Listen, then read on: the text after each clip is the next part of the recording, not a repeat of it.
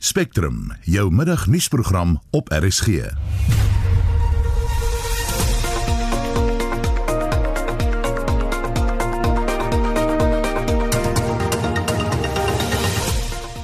die program die EFF in Swani vra dat die administrateur in die hoofstad vervang word.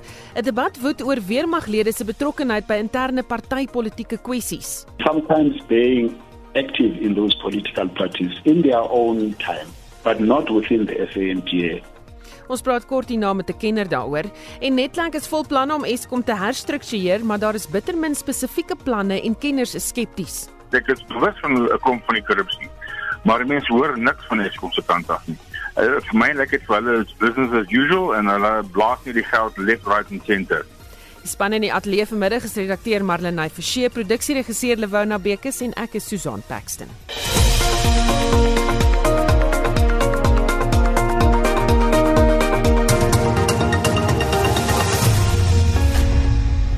11 minute oor 1 jy luister na Spectrum. Die EFF in Tshwane het 'n beroep gedoen op die ALR van samewerkende regering en tradisionele sake in Gauteng om die administrateur in die hoofstad te vervang. Die leier van die party in Tshwane, Mo Africa Mabongwana sê sedert die aanstelling van Mponawa as administrateur van die stad, het dienslewering afgeneem en betogings oor swak dienslewering aansienlik toegeneem. Hy meen die administrateur is spesifiek aangestel om dienslewering in die hoofstad te verbeter. Lila Magnus doen verslag.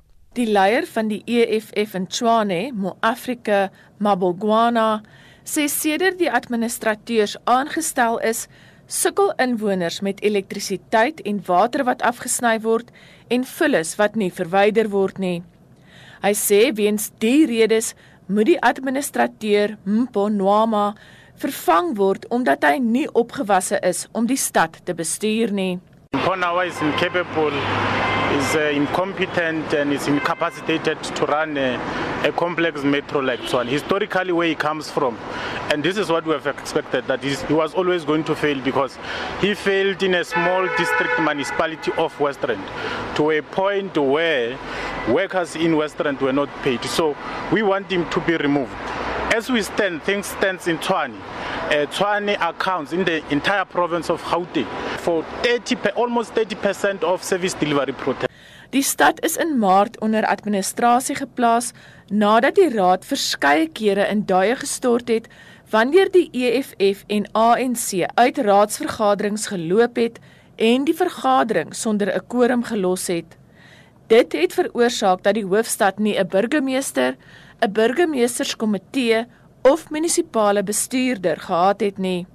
Mambogwana sê die EFF aanvaar verantwoordelikheid vir hulle rol wat tot die aanstelling van Nawa gelei het. We said as the EFF let the ANC and the DA allow us to run the metro.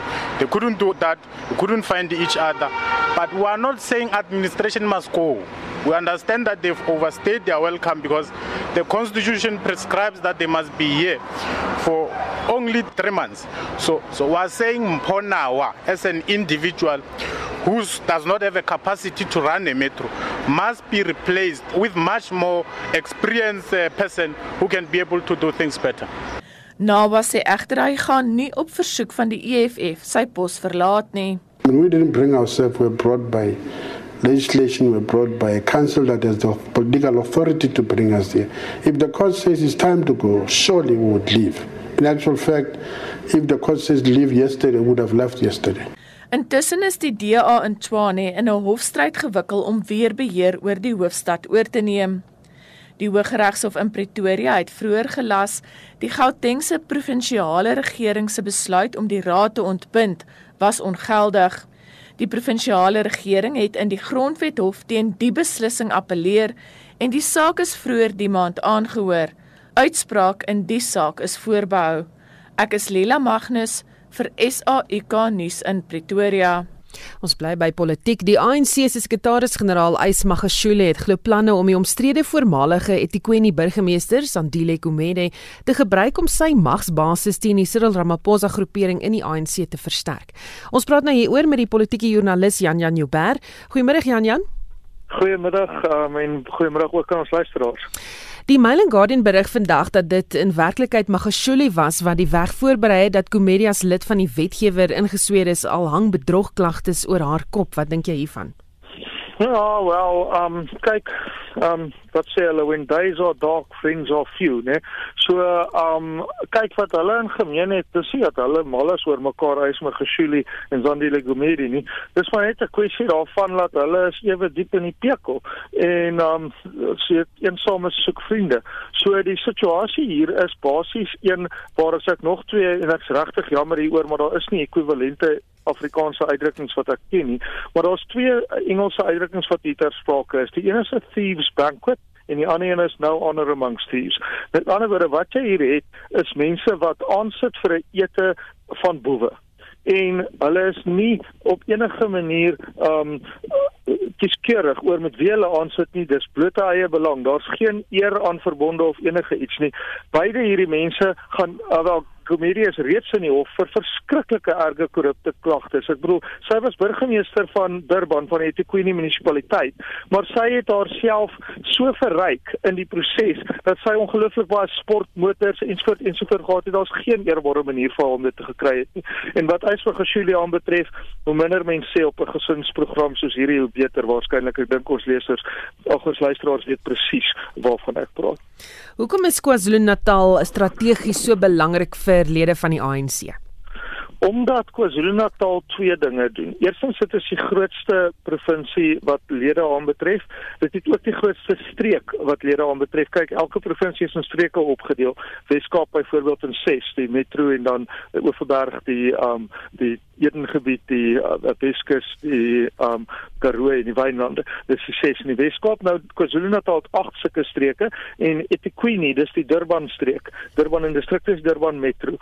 Um hy loop van Kaito Ridge tot aan die see en van net onder Belito af tot daar by Amanzimtoti. Dit is die dis daai streek en dit is die heel grootste streek in die land wat lede aanbetref vir um vir die ANC en die um leier van daai streek, die voorsitter, die persoon wat gekies is, is Zandile Gumedi. Um sy het 'n groot magsbasis daar. En dan die tweede ding wat KwaZulu-Natal het in die geskiedenis is 'n geskiedenis van blokstemme. Hulle is in die ANC wat ehm um, die Weskaap is in die DA. Weskaap stem altyd in die DA se blok. Dieselfde geld KwaZulu-Natal as die ANC, maar maar dit het nogal verander in die afgelope tyd. Dit was waar. Jy weet in 2007 het um, Jacob Zuma meer as 99% van die stem in uh, KwaZulu-Natal met hom saamgeneem, maar in die 2016 stryd tussen sy vrou, eksvrou Nkosazana en die um, huidige president Ramaphosa was daai verdeling na verstaan word nader aan 70-30. So Sife Zikalala die um, premier van KwaZulu-Natal, dit begin as 'n Zuma ondersteuner maar is nou 'n Ramaphosa Ramaphosa ondersteuner en dit geld die meeste van die KwaZulu-Natal se provinsiale kabinet. Maar wat nou hier gebeur is dat daar 'n plan dat sy vir um Zikalala gaan uitdaag en um dan gaan probeer om die provinsie oor te neem as die voorsitter van die ANC in die provinsie. Dis nie eintlik dink ek iets wat Magashule spesifiek beplan het nie. Dis doodgewoon opportunisties dat hy en Gumede is in dieselfde bootjie, so hulle help mekaar nou swem en hulle probeer kyk of daar genoeg mense is van laag genoeg morele standaard om hulle te ondersteun. Goed, so wat is die invloed wat oud-president Jacob Zuma nog daar het, veral gegee sy aanvalle op Ramaphosa? Is moeilik om te sê. Jy weet hy het 'n harde kernondersteuning, maar 'n mens het maar die gevoel dat in korrupte organisasies soos wat die ANC by uitstek is, um is dit meer die gom van mag en die vrees van vervolging wat mense bymekaar hou as enige positiewe krag. En die ding met meneer Zuma is ons sien dit vir die Sonderkommissie byvoorbeeld, daar's geen laagtepunte en geen leuen waartoe hy nie sal daal nie. En hier is nie 'n lasterlike stelling nie. Dis hofbevinding wat um gemaak is in in die guns van Derikane kom dat die president oud president weet tens en poetjies gelieg het uh in die in die hof met uh, in die sondekommissie weet absoluut geen skaamte nie. So um dis meer 'n kwessie daarvan dat in KwaZulu-Natal waar daar geweldig baie geweld en moorddadigheid binne die ANC is, is mense 'n bietjie bang om teen Zuma te gaan eerder as wat hulle hom ondersteun. Die ander ding is dat jy moet onthou die ANC se takstruktuur is een tak per wijk. Nou kom ons kyk na eThekwini, die um Durban se metro waar Zandile Gumede haar magsbasis het. Sy gaan 'n magsbasis hê, maar ek laat my nie vertel Sahel, die ANC in Lalusha, die ANC in Reservoir Hills, die ANC in Kloof, die ANC in Amanzimtoti, weet nie dat dit wat sy vir hulle stemme kos nie. ANC in Chatsworth, ANC in Phoenix. So ek sou sê sy sal omtrent uh, 65% van die takke in die eThekwini streek met haar kan saamneem, maar daar's 'n belangrike 35% wat nie. KwaZulu-Natal word gewen en verloor op die platteland en daardie stryd sal ons moet sien hoe hy uitspeel. Baie dankie. Dit was die politieke joernalis Janja Nieuwberg met sy mening oor politieke kwessies binne die ANC. 'n Debat woed oor of senior weermaglede by interne partytetiese kwessies betrokke behoort te raak. Dit volg nadat die hoof van die weermag, generaal Solly Shokki, daarteen gemaan het. Hy het gereageer op 'n vergadering wat glo deur die weermag se voormalige intelligensiehoof, generaal Maumelo Moretti Mutau, met ANC-kaders in die weermag gereël is om die stand van sake binne die party te bespreek. Heinrich Weingart doen verslag. 'n Pamflet waarin Motau se vergadering met ANC-lede rigbaar gemaak is, het skerp reaksie uitgelok van die weermaghoof generaal Solishoke. Inmenging by politieke kwessies kan onder geen omstandighede toegelaat word nie, het hy gesê. Hier is die weermag se woordvoerder, Sipiwe Dlamini. Ours is uh, to ensure that we are above politics. So whatever the angle or the invitation comes from, our members should not uh, be hmm. part of any political engagement whatsoever. 'n Voormalige hoof van die weermag, generaal Siphiwe Nyanda, stem saam dat alhoewel individue die reg het om hulle met enige politieke party te assosieer, moet politieke aktiwiteite buite hulle weermag betrokkenheid geskied. There is nothing wrong with people belonging to political parties, being members of political parties mm-hmm. and sometimes being active in those political parties in their own time, but not within the SANDA. Die politieke rol van weermagoffisiere was ook laas in die kollig met die aandrang uit ANC-geleedere in 2009 dat oud-president Thabo Mbeki sy pos moet ontruim. Dit het Mbeki genoop om 'n beroep op die land se veiligheidsmagte te doen om homself nie te laat gebruik om politieke geskille by te lê nie. Die politieke ontleder Sipamandla Zondi sien raakpunte tussen die Mbeki geval en die huidige walgooiery deur die weermag. This constant reassurance by the military of Israel must mean that there are some individuals or groups of individuals who may have been trying to draw them in during the removal of President Mbeki or during the removal of Zuma and then in the current uh, situation as well. It, it sends a signal that they are responding to something. Die ANC het hom nog nie oor die nuutste verwikkelinge uitgelaat nie. Hierdie verslag is saamgestel deur Abongile Domaka in Johannesburg. En ek is Hendrik Weingart vir SAK nuus.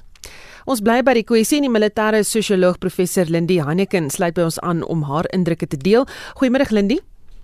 Oh, goeiemôre en goeiemôre aan die luisteraars.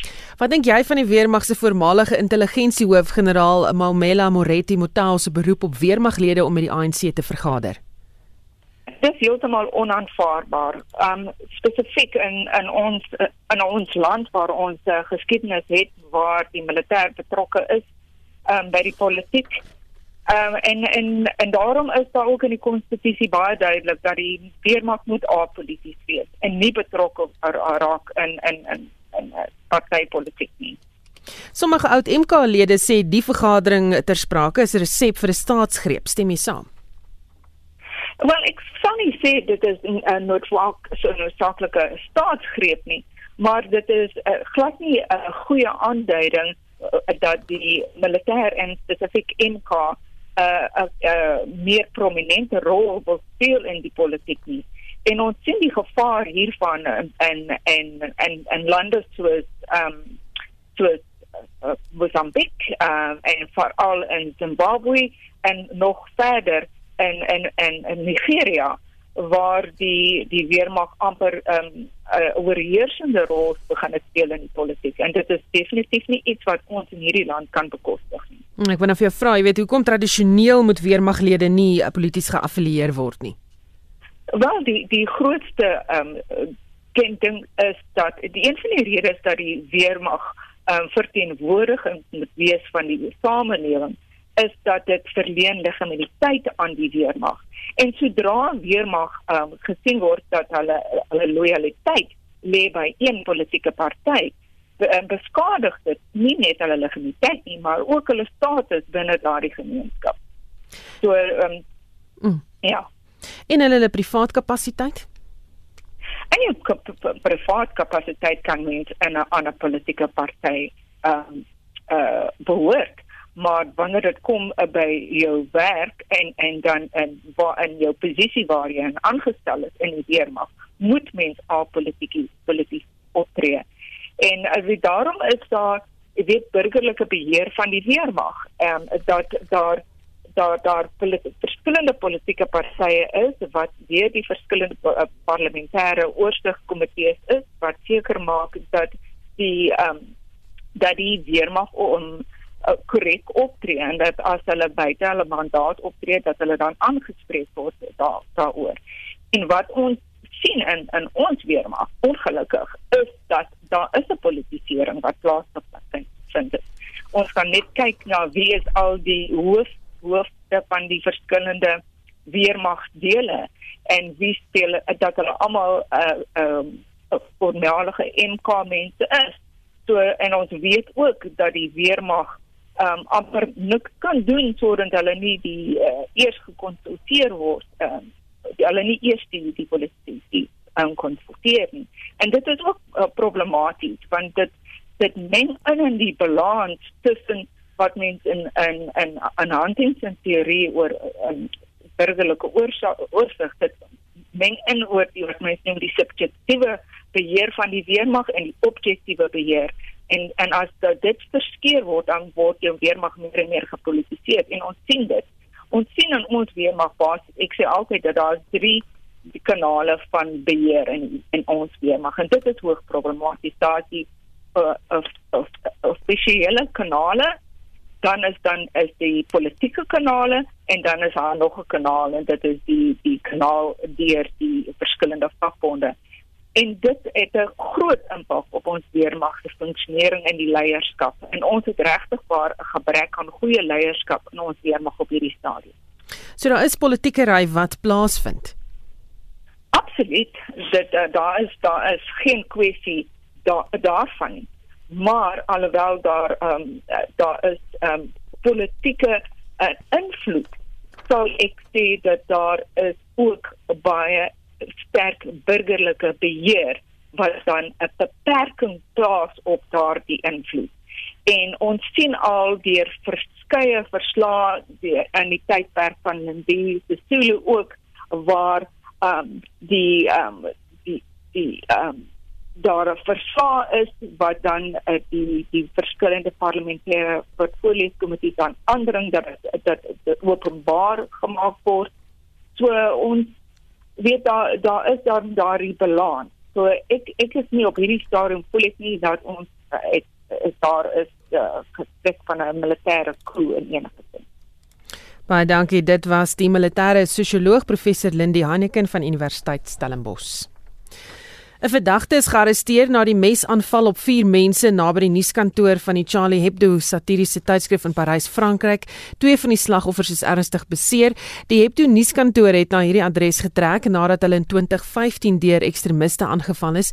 Die polisie het eers gedink dat twee mans vir die aanvalle verantwoordelik is, maar nadat slegs een in hegtenis geneem is, glo hulle hy was alleen betrokke daarbey. 'n Motief vir die aanval is nog nie bekend gemaak nie. Die South African Commercial Catering and Allied Workers Union SACAO sê hoewel hy dankbaar is dat baie werksgeleenthede behoue gebly het met die verkoop van jetwinkels aan die Fishini groep, hy nie die vrede vertrou nie. Dit nadat die mededingingskommissie die groen lig gegee het vir die transaksie. Die woordvoerder van SACAO, Mike Sikani, sê daar is nie behoorlik met hulle gekonsulteer nie. You will know that we are on record that we wanted to be known as SACAO to have supported any efforts for continued employment of employees within the group and the emerging parties. We appreciate the fact that there are efforts to ensure that a number of stores will continue to operate and employees will be continued employed even in the new or emerging entities. But the concern that we have is that of, of the list of issues that we have raised as concern because number of issues that were tabled to the competition commission raises some concern on job security aspect and all that we have raised on our part was concerning job security. And we have a sense that the response to what we have raised as our concern, even though the deal now is going through, we were not adequately responded to, and also guarantors of continued employment. Actually, the concerning area on our part. Sikani sê dit het al voorheen gebeur dat werkers aanvanklik hulle werk behou net om op 'n latere stadium afgedank te word. The transaction when there is a transfer of ownership of business.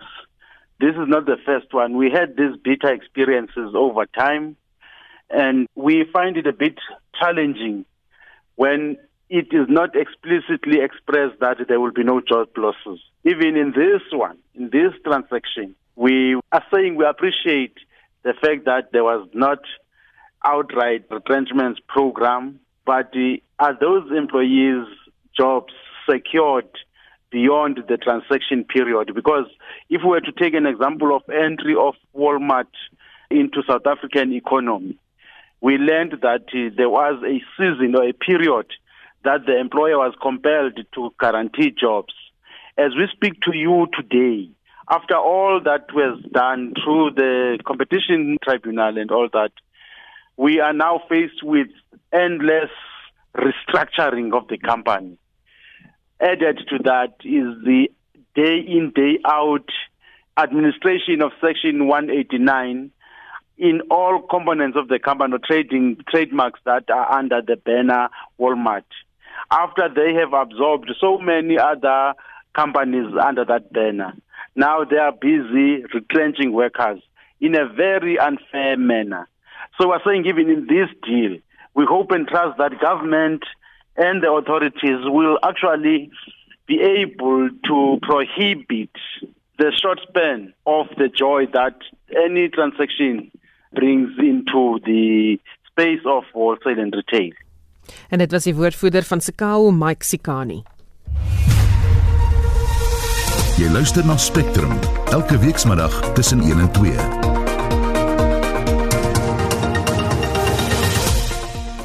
Later in die program die 39-jarige oudspring rugby speler Eder Zain Kilian het vanoggend in die Landdroshof in verband met die moord op die Kaapse topspeler luitenant kolonel Shalke neer verskyn. Netlank het 'n herstelplan vir Eskom, maar kenners bly skepties. Ek is bewus van 'n kom van die korrupsie. Maar mense hoor niks van Eskom se kant af nie. Uh, vir my lyk dit vir hulle is business as usual en hulle blaas nie die geld left right and center. En die departement van maatskaplike ontwikkeling in KwaZulu-Natal vra dat slagoffers van die KwaZulu-Natal kerk na vore tree, bly ingeskakel.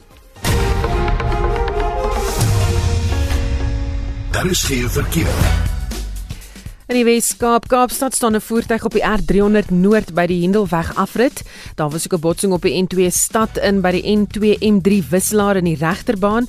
In KwaZulu-Natal staan 'n voertuig op die N3 Wes net na die Pieter Brown Rylaan afrit, linkerbaan is toe daar. En hier in Gauteng, Johannesburg, was daar 'n botsing op die N3 suid net na die Bekloo wisselaar ook in die regterbaan. Dit is jou verkeersnuus. Die rand het die afgelope paar dae erg verswak en vir die jongste oor die geldeenheid en wat tot die verswakking gelei het, praat ons nou met Dr. Chris Harmse, ekonom van CH Economics. Goeiemôre Chris. Môre Susan, môre luisteraars. Waar staan die rand nou? Ehm um, rukkie gelede hier op R17 op hierdie stadium op R17.10 teenoor die dollar. Uh R21.74 teenoor die pond en R19 98. As ons op vergelyk met min of meer 'n maand gelede, die 21ste Augustus, uh Vrydag 21 Augustus, op die Vrydag was, was die rand nog R17.11. Dit moet meer self vlak, né? Teenoor die dollar, maar hy was heelwat swakker teenoor die pond op 22.41 en teenoor die dollar 2016 teenoor middag se 1998. So is duidelik twee goed hier gebeur. Die rand het wel verswak in die laaste week of twee want hy was so laag as R16.18 verlede Vrydag. So dit is amper 100 sent in 'n week. Maar hy het nie so verswak uh, teenoor die uh teenoor die dollar as teenoor die pond en die euro nie. So hier is definitief in die laaste week dollar sterkte wat begin deurkom. So wat is die implikasies van die swakker rand? Ek sou sê uh, ten minste drie dinge soos aan.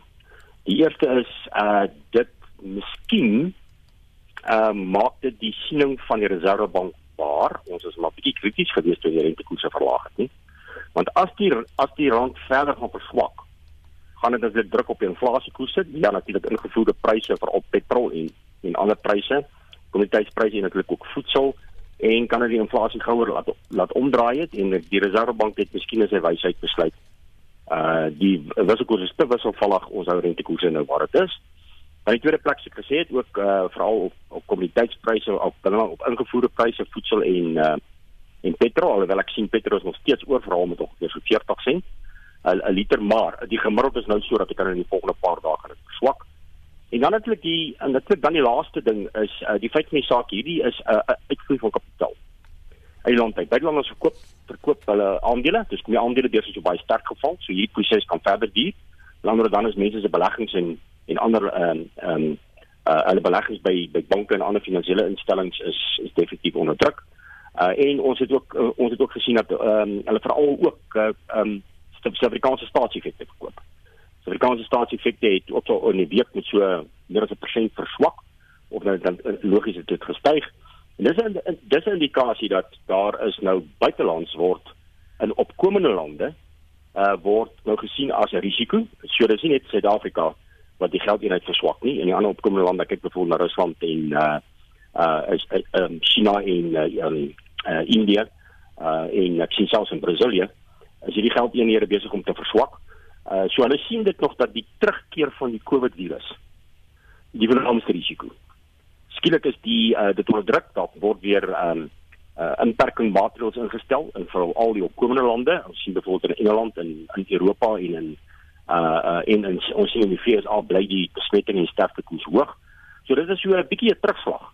Uh en dan heel laaste wat ek wil sê is dat die Amerikaanse aandelebeurs het na sy lang verwagte afwaartse korreksie begin kry en ons sien byvoorbeeld dat die die aandelebeurs in Amerika gaan vanmiddag weer met amper 'n persent die by 240 punte swakker oopmaak.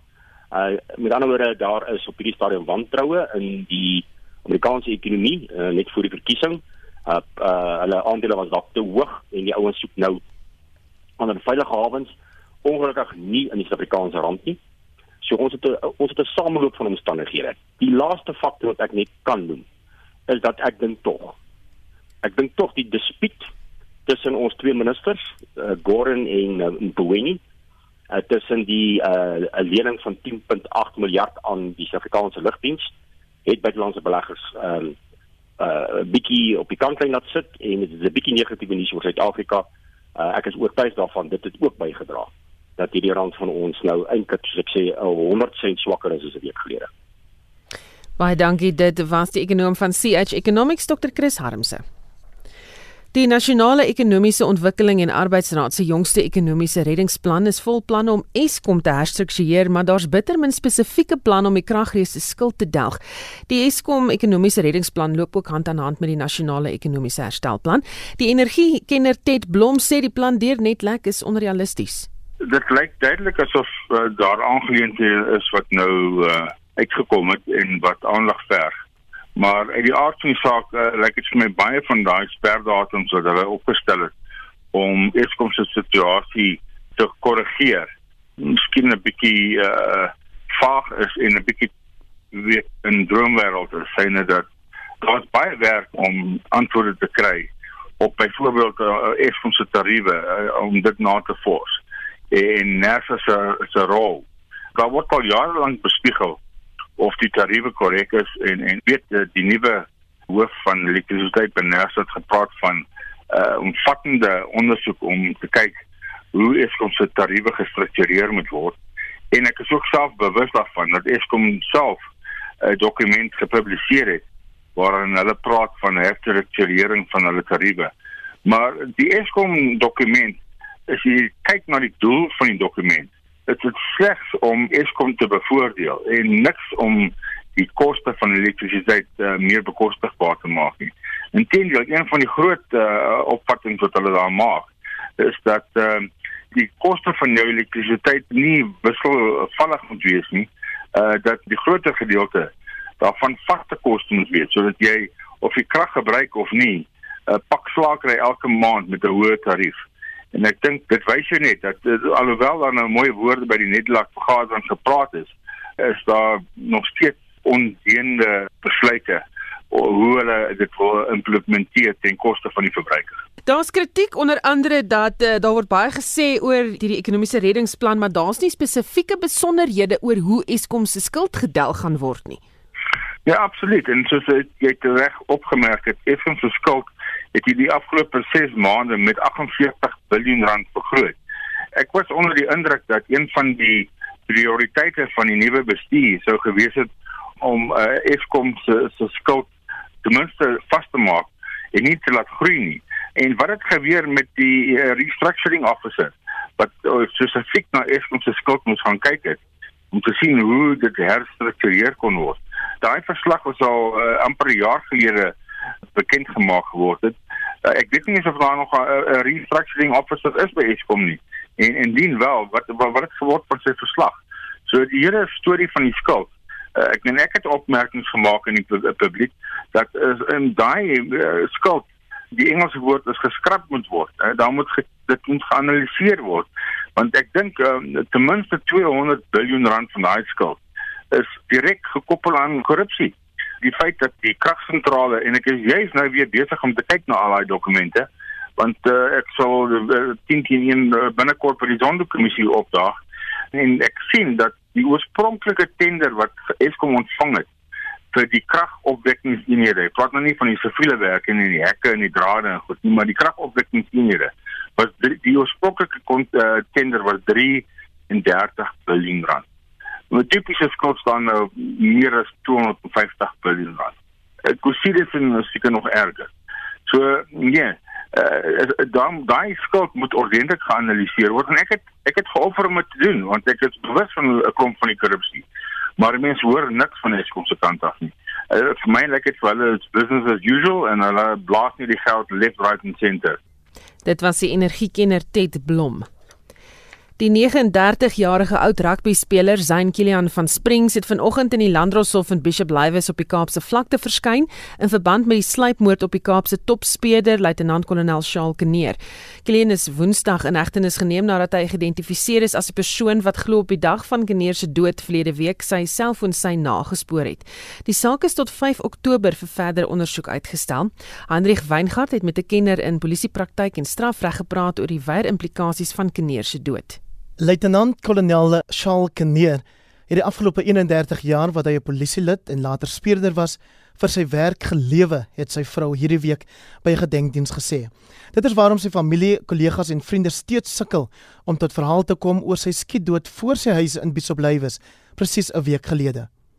Die topspeurder sou egter nooit te gerus kon slaap en rondbeweeg nie aangesien hy ondersoeke gedoen het na van die Kaapse berugste karakters uit die onderwêreld, sê die afgetrede generaal advokaat Lenet Max. Max was voorheen Wes-Kaapse polisiehoof. Ja, jy weet as 'n uh, oud polisielid wie se hart nog by die polisie lê. En ek is baie lief vir die Suid-Afrikaanse polisie en ek is ook bewus van uh, luitenant-kolonel se betrokkeheid by die ondersoek van uh, hierdie tipe van uh, misdade dit was absoluut 'n skok geweest en dit is pretenswaardig dat eh uh, bendes uh, nou mense identifiseer en elimineer wat hierdie tipe van misdaad ondersoek. En hierdie gedrag van die bendes kan nie geduld word en daarom moet die staat regtig aksie neem. Max sê wat Kneer se dood aandui is dat bendes en ander misdadigers so arrogant geraak het dat hulle bereid is om die staat en wetstoepassingsagentskappe op die wyse uit te tart. Dit is 'n absolute aanslag op ons regstelsel, dit is 'n absolute aanslag op ons grondwet. Dit is intimidasie van polisielede en dit bly nie net by polisielede nie. Nie net senior polisielede nie, maar ook byvoorbeeld aanklaers, landdroste en regters sal moontlik uiteindelik beveilig moet word. Die mense wat veronderstel is om hierdie sake suksesvol te vervolg, is aanklaers, en die voorsittende beamptes soos landdroste en regters sal ook die een of ander tyd geteken word en dit is belangrik dat hierdie totaliteit in die regstelsel vanaf die Suid-Afrikaanse polisie as die eerste linie van die verdediging van ons uh, grondwetlike regte as ook aanklaers en landdroste en regters beveilig word sodat hulle sonder vooroordeel en vrees uh hierdie sake kan vervolg. Meks glo dat daar wel politieke wil bestaan om die bendeprobleme in die Weskaap op te los. Ek sou sê in 'n mate ja, dat daar wel tipe van pogings aangewend word. Onder andere toe ek nog by die minister was, is hierdie uh, teenbende eenheid uh, op die been gebring. Daar is ook 'n operasie uh, wat gefokus was van sekere strategiese punte binne in die gemeenskap wat getester is met bendes wat deur die polisie uh, beman was. Maar of dit nou genoeg is, is op 'n vraag. En die resultaat sover gee is geen aanduiding dat daar 'n besonderse sukses is nie. En ek glo daar kan wel meer gedoen word. Die uiteindelike oplossing sal onder meer vereis dat die hulp van afgetrede ondersoekbeamptes wat die polisie die afgelope klompe jare verlaat het, ingeroep moet word, stel Max voor. In 1979 het ek by die polisie aangesluit. Toe is daar bendes. Die bendes het meer gesofistikeerd geword. Maar wat ek kan wel voorstel is dat die teenbende eenheid op sigself alleen nie suksesvol kan wees nie. Daar moet 'n totale geïntegreerde benadering wees. Dit moet op van van nasionale vlak moet bendebedrywighede as prioriteit in hierdie land gesien word en die eenheid moet bestaan uit ervare ondersoekbeamptes van die hoogs en en ander eenhede sowel as die aanklaers wat betrokke is by hierdie tipe van aangeleentheid en en dan ook sal ek voorstel dat daar baie ervare polisiebeamptes uitgetree het weens een of ander rede en dat daar gepoog moet word om hulle te kontrakteer en dan ook nuwe lede aan hulle toe te wys sodat hierdie lede wel die ondervinding kan opdoen. En wanneer hierdie mense se kontrakte klaar is, het hulle dan ook 'n kapasiteit waarop die Suid-Afrikaanse polisie kan voortbou. Dit was generaal Lenet Mix, oud polisiehoof van die Wes-Kaap en 'n advokaat wat in strafreg spesialiseer. Die valke het intussen aangedui dat nog inhegtenisnemings vir die dood van Kneer kan volg. Ek is Hendrik Weingart vir SAK nuus. Die Wes-Kaapse polisie het die afgelope week verskeie skietvoorvalle in Kaapstad ondersoek. Bendeverwante misdaad in die streek neem toenemend toe en gewone burgers se lewens word geëis. Die direkteur van die organisasie United Public Safety Front, John Klute, het met Winston Mofokeng gepraat oor die bendekultuur wat gemeenskappe oorgeneem het. Op die huidige oomblik is dit baie um, erg. Ons mense gaan nog elke dag soos vliee dood op die Wes-Kaap, onskuldiges sowel as skuldiges. Die situasie is besig om hand uit te ruk en veral nou met die dood van luitenant-kolonel Shaul Kneer verwag ons dat daar 'n toename in die spanning tussen die wetstoepassers sowel as die dende in die onderwêreld sal wees. Dit is erg en daar sal dringend opgetree en ingetree moet word van af plaaslike sowel as provinsiale en nasionale vlak. Nou met die jongste moord op 4 mense in Yanga en die polisiebeampte Wat is die situasie met dit? Die situasie in Nyanga waar daar uh, verskeie moorde plaasgevind het, die ondersoek is nog aan die gang en daar is volgens my inligting is nog geen arrestasies gemaak nie. Die Gauteng polisie gaan nou hommeltuie gebruik om mense wat grond beset te bekamp. Is dit prakties? Uh, ons het 'n tipiese voorbeeld van drones wat gekoop was deur die stad Kaapstad en die vergader nou stof op die rakke want dit word nie gebruik nie dink die bendes het ook 'n manier gekry om die gebruik van die drones te omseil in die gebiede. So hulle is ook oneffektief vir die bekamping van misdaad. Nou hierdie hommeltuie, wat kan so iets kos as dit nasionaal ingestel word? Die drones kos enigiets tussen 40 tot 50000 rand volgens my inligting wat vir ons 'n totale vermorsing van staatsgeld en belastingbetalers geld is. Maar kan hierdie geld nie elders bestee word om polisieering te verbeter nie? Wat ek wil probeer sê is dat uh, moet opgehou word om te kyk na die bende geweld en misdaad in die geheel as net 'n wet toepassing probleem. Daar sal ernstig na sosiale programme en aksies en intervensies gekyk moet word. Ons is nou al keer op keer met die nasionale regering sowel as provinsiale regering hieroor gepraat dat daar meer sosiale programme vir ons mense en vir ons gebiede en gemeenskappe ingestel en ontwikkel moet word. Ons het 'n groot netwerk, 'n baie effektiewe netwerk van kundiges in die nie-regering organisasies.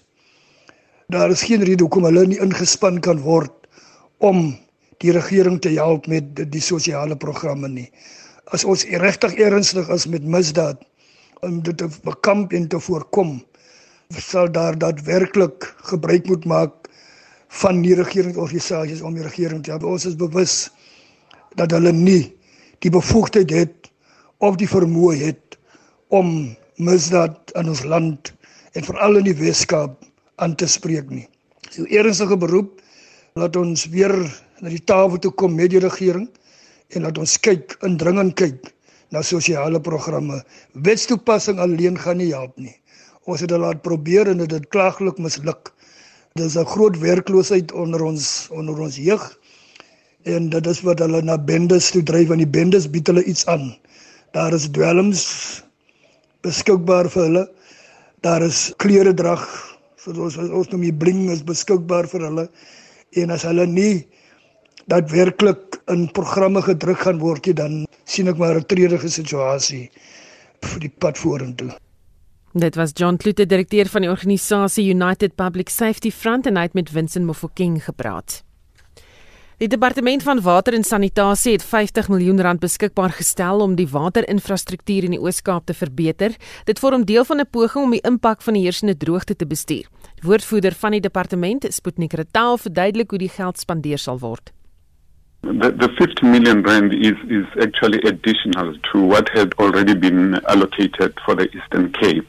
If you remember that the minister had allocated an amount of about 220 million rand through Amadola Water to look at issues of drought intervention in the Eastern Cape after the province was declared a drought stricken area and therefore part of that has been ongoing relief. But what we have realized is that in some of the areas, the impact is getting worse. And therefore, that is why Minister has said that we need to look at uh, funding that comes from our water and sanitation infrastructure grant to be able to look at short-term interventions towards the rainy season that can be able to help us in these critical areas. Just to name a few, Nelson Mandela Bay and Lambe, you're looking at Bayers Nodier and so on. So that is where we are looking at in terms of this immediate and short-term intervention. Ratel sê verder daar sal meer boorgate geboor word as 'n manier om water aan munisipaliteite te voorsien. What we agreed upon uh, in the discussion on Friday that uh, on on, on the discussion with Rand Water, Amadola Water ourselves um, together with the minister on Friday was that these interventions, these additional interventions would have to begin immediately. And that is why there was a discussion to say that these will last for a period of two months. That will also allow these municipalities to bolster their own capacity in the two months so that when the two months is over, especially referring to the issue of availability of the tankers that are going to come in as additional assistance, then they would have been able to put plans in place to be able to take over that responsibility going forward. Because the tankers that we are putting in, we are saying we can only be able to do that for two months, but the tanks will remain within the municipalities and therefore they will have to look at how that continues. But more than that, part of that money is going to make sure that we continue to finalize or bring to completion the permanent repairs to the Sundays River Canal that had broken in 2015 and we had put in temporary repairs to it. But we also are looking at new sources of water, especially uh, groundwater. But we must remember that because of the drought itself, there isn't much underground. So we've got to be very careful as well as to where we are going to drill those boreholes. Dit was die woordvoerder van die departement van water en sanitasie, Sputnik Retaal. Die departement van maatskaplike ontwikkeling in KwaZulu-Natal vra dat diegene wat hulle self as slagoffers van die KwaZulu-Natal kerk beskou na vore tree. Die polisie ondersoek beweerde voorvalle van mishandeling, geldwasery en ander vergrype by die Sendelingskerk in die noorde van KwaZulu-Natal na onlangse onthulling deur 'n aanlyn nuusagentskap. Anne Marie Jansen van Vuren berig. Die evangelis Arlo Stegen het die Kwasiza Bantu sendinggemeenskap in 1970 gestig. Nou, 50 jaar later, word aantuigings van mishandeling gemaak teen seniorlede van die kerk en word die kerk van korrupsie beskuldig. Dit hou veral verband met hul projek Ekamanzi Springs wat die gebottelde waterproduk Aquele besit. Volgens die woordvoerder van die Departement van Maatskaplike Ontwikkeling in KwaZulu-Natal, Mglaba Memela, het ses slagoffers reeds na vore gekom. Intussen het die beweringe daartoe gelei dat verskeie winkels, insluitend Makro en Game, opgehou het om Aquelle water te verkoop. Hulle wag op die uitkoms van 'n interne ondersoek, asook die polisie ondersoek, voordat hulle weer die produk op hul rakke sal plaas. Ngubane sê minstens 3000 werknemers word hierdeur geraak. The team of social workers are working to trace down all the victims because, as far as we know, at the moment there's about six victims that have been reported to have, have spoken to the media about what has happened in their lives. So, moving from here, it will be actually getting all of them to be able to sit down with the social workers and go through the process of counseling so that they'll be able to write or give to the law enforcement statements that can secure conviction. Memela sê hy glo nog slagoffers sal binnekort in die ses se voetspore volg. That church has been operating for over 50 years and obviously the six people that we are talking about might be just a tip of an iceberg.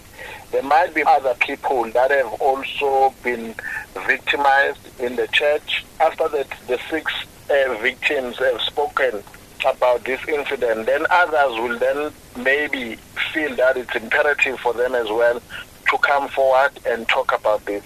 So we are hoping that once the process starts, there will be a number of people that will be coming out and explain what exactly happened to them. Maar die Kwasiza Bantu Sendingkerk ontken die beweringe. Die woordvoerder, Dominee Michael Ngubane, maak die aantuigings af as wilhaar stories en sê hulle het reeds regshulp ontbied. This is an attack.